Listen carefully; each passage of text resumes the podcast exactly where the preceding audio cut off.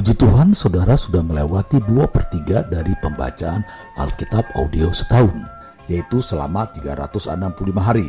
Suatu pembacaan yang disesuaikan dengan jadwal rencana baca dari Back to the Bible Chronological Reading Bible. Tetap semangat untuk terus mendengarkan firman-Nya. Tuhan Yesus memberkati. Inilah mendengarkan firman Tuhan hari ke-221.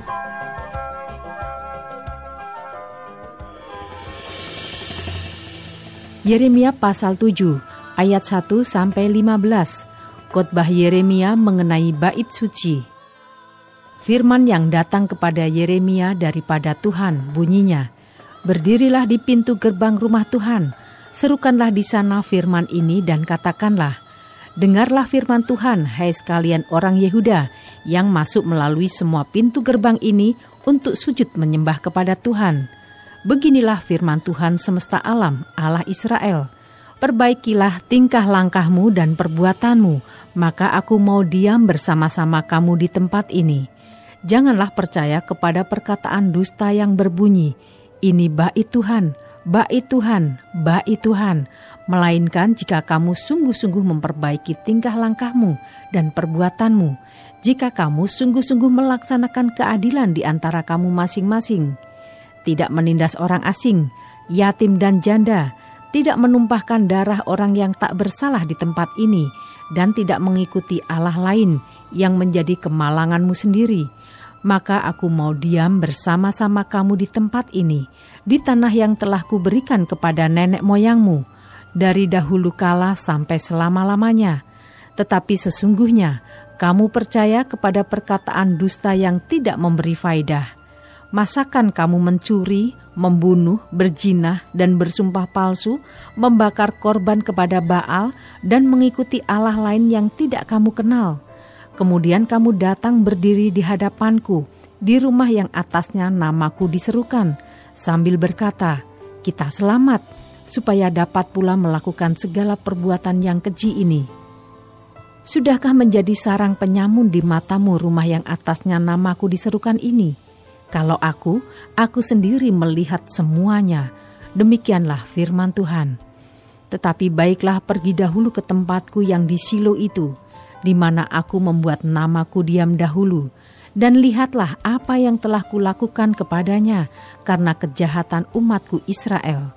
Maka sekarang, oleh karena kamu telah melakukan segala perbuatan itu juga, demikianlah firman Tuhan, dan oleh karena kamu tidak mau mendengarkan, sekalipun aku berbicara kepadamu terus-menerus dan kamu tidak mau menjawab, sekalipun aku berseru kepadamu, karena itulah kepada rumah yang atasnya namaku diserukan dan yang kamu andalkan itu, dan kepada tempat yang telah kuberikan kepadamu dan kepada nenek moyangmu itu, akan kulakukan seperti yang telah kulakukan kepada Silo. Aku akan melemparkan kamu dari hadapanku, seperti semua saudaramu, yakni seluruh keturunan Efraim telah kulemparkan. Ayat 16 sampai 20 melawan penyembahan ratu surga.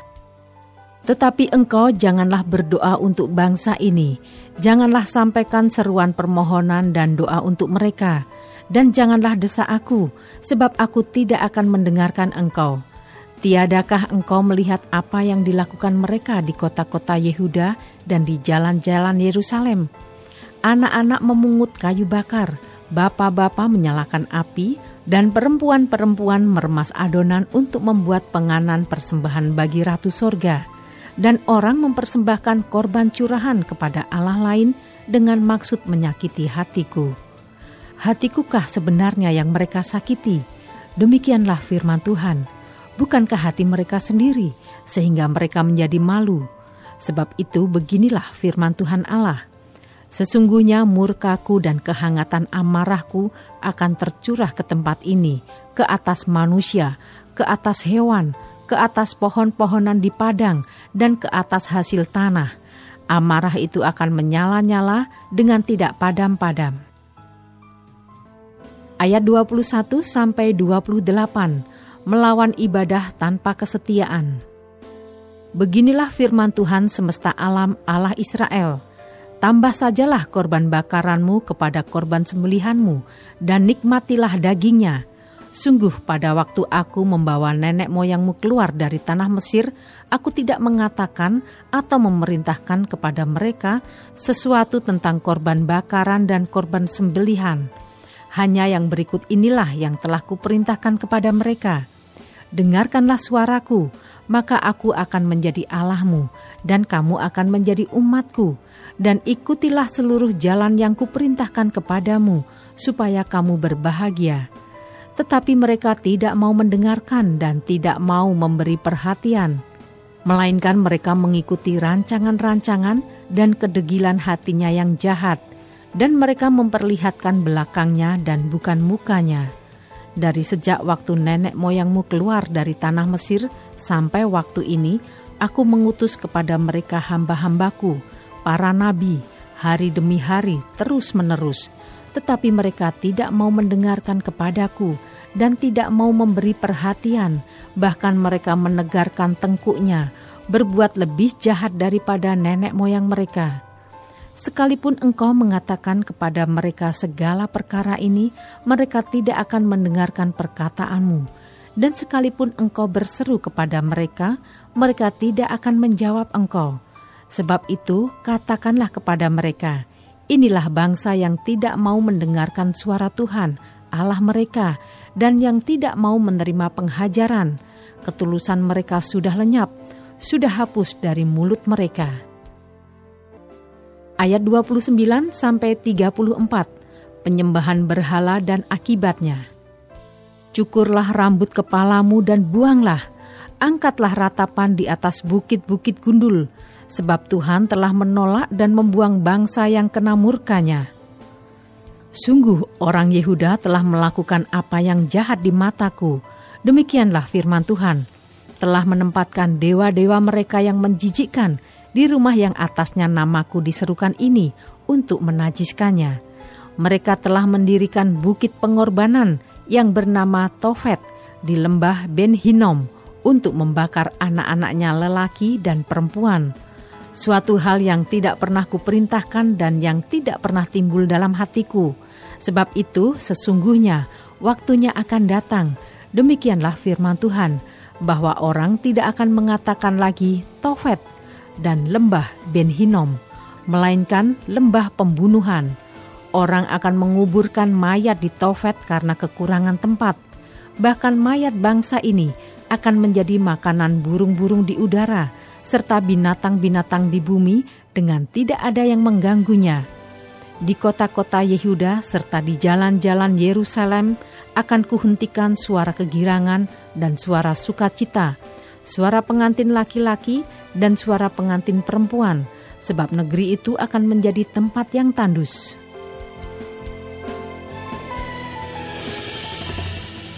Yeremia pasal 8 ayat 1 sampai 3.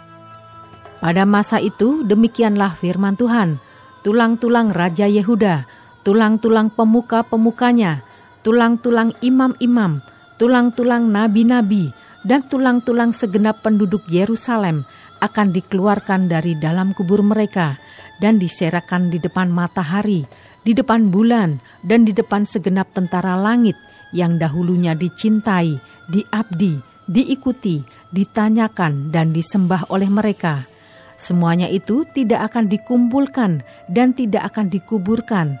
Mereka akan menjadi pupuk di ladang. Tetapi semua orang yang masih tinggal dari kaum yang jahat ini akan lebih suka mati daripada hidup di segala tempat ke mana aku mencerai mereka. Demikianlah firman Tuhan semesta alam. Ayat 4 sampai 17 dosa dan hukumannya. Engkau harus mengatakan kepada mereka, Beginilah firman Tuhan, apabila orang jatuh, masakan ia tidak bangun kembali? Apabila orang berpaling, masakan ia tidak kembali? Mengapakah bangsa ini berpaling, berpaling terus-menerus? Mereka berpegang pada tipu, mereka menolak untuk kembali. Aku telah memperhatikan dan mendengarkan, mereka tidak berkata dengan jujur. Tidak ada yang menyesal karena kejahatannya dengan mengatakan, apakah yang telah kulakukan ini? Sambil berlari semua mereka berpaling, seperti kuda yang menceburkan diri ke dalam pertempuran. Bahkan burung ranggung di udara mengetahui musimnya.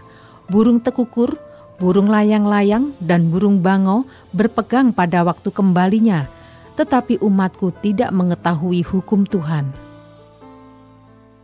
Bagaimanakah kamu berani berkata, kami bijaksana dan kami mempunyai Taurat Tuhan, Sesungguhnya pena palsu penyurat sudah membuatnya menjadi bohong. Orang-orang bijaksana akan menjadi malu, akan terkejut dan tertangkap. Sesungguhnya mereka telah menolak firman Tuhan, maka kebijaksanaan apakah yang masih ada pada mereka? Sebab itu, aku akan memberikan istri-istri mereka kepada orang lain, ladang-ladang mereka kepada penjajah. Sesungguhnya, dari yang kecil sampai yang besar, semuanya mengejar untung. Baik nabi maupun imam, semuanya melakukan tipu. Mereka mengobati luka putri umatku dengan memandangnya ringan. Katanya, damai sejahtera, damai sejahtera, tetapi tidak ada damai sejahtera. Seharusnya mereka merasa malu, sebab mereka melakukan kejijikan, tetapi mereka sama sekali tidak merasa malu dan tidak kenal noda mereka.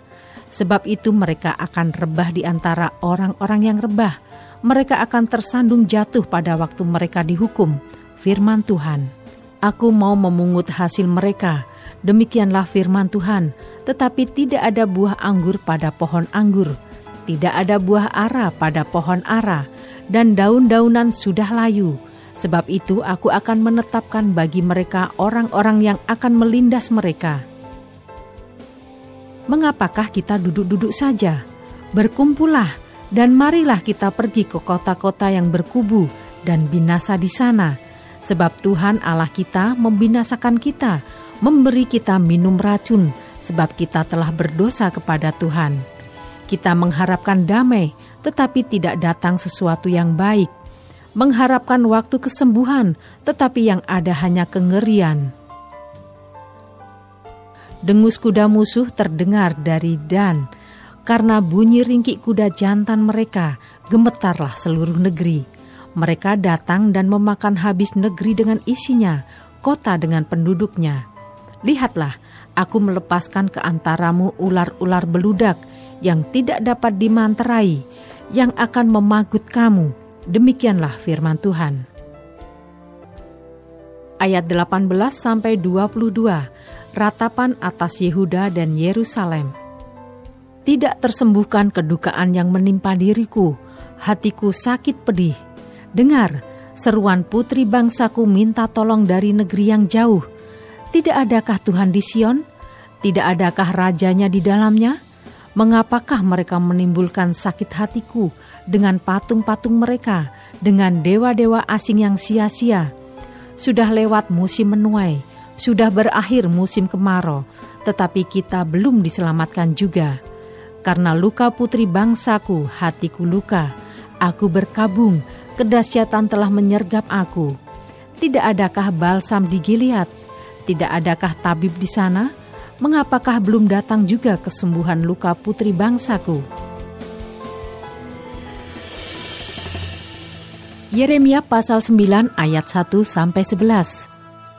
Sekiranya kepalaku penuh air dan mataku jadi pancuran air mata, maka siang malam aku akan menangisi orang-orang putri bangsaku yang terbunuh. Sekiranya di padang gurun aku mempunyai tempat penginapan bagi orang-orang yang sedang dalam perjalanan, maka aku akan meninggalkan bangsaku dan menyingkir daripada mereka. Sebab mereka sekalian adalah orang-orang berjinah, suatu kumpulan orang-orang yang tidak setia mereka melenturkan lidahnya seperti busur, dusta dan bukan kebenaran merajalela dalam negeri. Sungguh, mereka melangkah dari kejahatan kepada kejahatan, tetapi Tuhan tidaklah mereka kenal. Baiklah setiap orang berjaga-jaga terhadap temannya, dan janganlah percaya kepada saudara mana pun, sebab setiap saudara adalah penipu ulung, dan setiap teman berjalan kian kemari sebagai pemfitnah yang seorang menipu yang lain, dan tidak seorang pun berkata benar. Mereka sudah membiasakan lidahnya untuk berkata dusta. Mereka melakukan kesalahan dan malas untuk bertobat. Penindasan ditimbuni penindasan, tipu ditimbuni tipu. Mereka enggan mengenal Tuhan. Sebab itu beginilah firman Tuhan semesta alam. Sesungguhnya aku mau melebur dan menguji mereka, sebab apakah lagi yang dapat kulakukan terhadap putri umatku? Lidah mereka adalah anak panah yang membunuh, perkataan dari mulutnya adalah tipu. Mereka berbicara damai dengan temannya, tetapi dalam hatinya mereka merancang pengadangan terhadapnya. Masakan aku tidak menghukum mereka karena semuanya ini? Demikianlah firman Tuhan. Masakan aku tidak membalas dendamku kepada bangsa yang seperti ini? Menangis dan merintihlah karena gunung-gunung, dan merataplah karena padang rumput di gurun, sebab semuanya sudah tandus sampai tidak ada orang yang melintasinya, dan orang tidak mendengar lagi suara ternak, baik burung-burung di udara maupun binatang-binatang, semuanya telah lari dan sudah lenyap Aku akan membuat Yerusalem menjadi timbunan puing, tempat persembunyian serigala-serigala. Aku akan membuat kota-kota Yehuda menjadi sunyi sepi, tidak berpenduduk lagi. Ayat 12 sampai 22 diancam dengan keruntuhan dan pembuangan. Siapakah orang yang begitu bijaksana sehingga ia dapat mengerti hal ini? Orang yang telah menerima firman dari mulut Tuhan supaya ia dapat memberitahukannya. Apakah sebabnya negeri ini binasa, tandus seperti padang gurun, sampai tidak ada orang yang melintasinya? Berfirmanlah Tuhan, oleh karena mereka meninggalkan Tauratku yang telah kuserahkan kepada mereka, dan oleh karena mereka tidak mendengarkan suaraku dan tidak mengikutinya, melainkan mengikuti kedegilan hatinya dan mengikuti para Baal seperti yang diajarkan kepada mereka, oleh nenek moyang mereka. Sebab itu beginilah firman Tuhan semesta alam, Allah Israel. Sesungguhnya aku akan memberi bangsa ini makan ipuh dan minum racun. Aku akan menyerakkan mereka ke antara bangsa-bangsa yang tidak dikenal oleh mereka atau oleh nenek moyang mereka. Dan aku akan melepas pedang mengejar mereka sampai aku membinasakan mereka. Perhatikanlah panggillah perempuan-perempuan peratap, supaya mereka datang, dan suruhlah orang kepada perempuan-perempuan yang bijaksana, supaya mereka datang. Biarlah mereka bersegera dan meratap karena kita, supaya mata kita mencucurkan air mata dan kelopak mata kita melelehkan air. Sebab terdengar ratapan dari Sion, Wahai binasalah kami, kami sangat dipermalukan, sebab kami harus meninggalkan negeri ini, karena rumah-rumah kediaman kami dirobohkan orang. Maka dengarlah firman Tuhan, hai perempuan-perempuan, biarlah telingamu menerima firman dari mulutnya.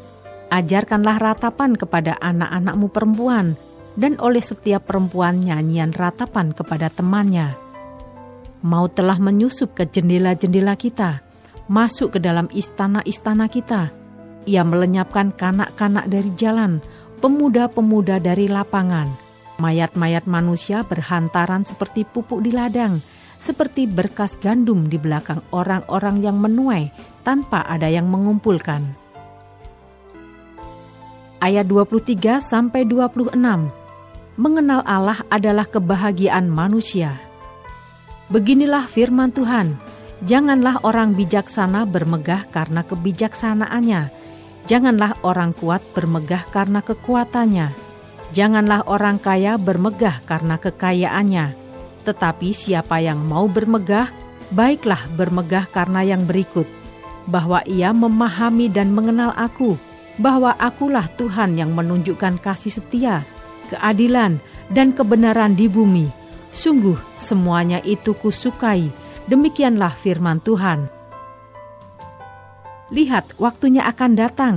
Demikianlah firman Tuhan, bahwa aku menghukum orang-orang yang telah bersunat kulit katanya.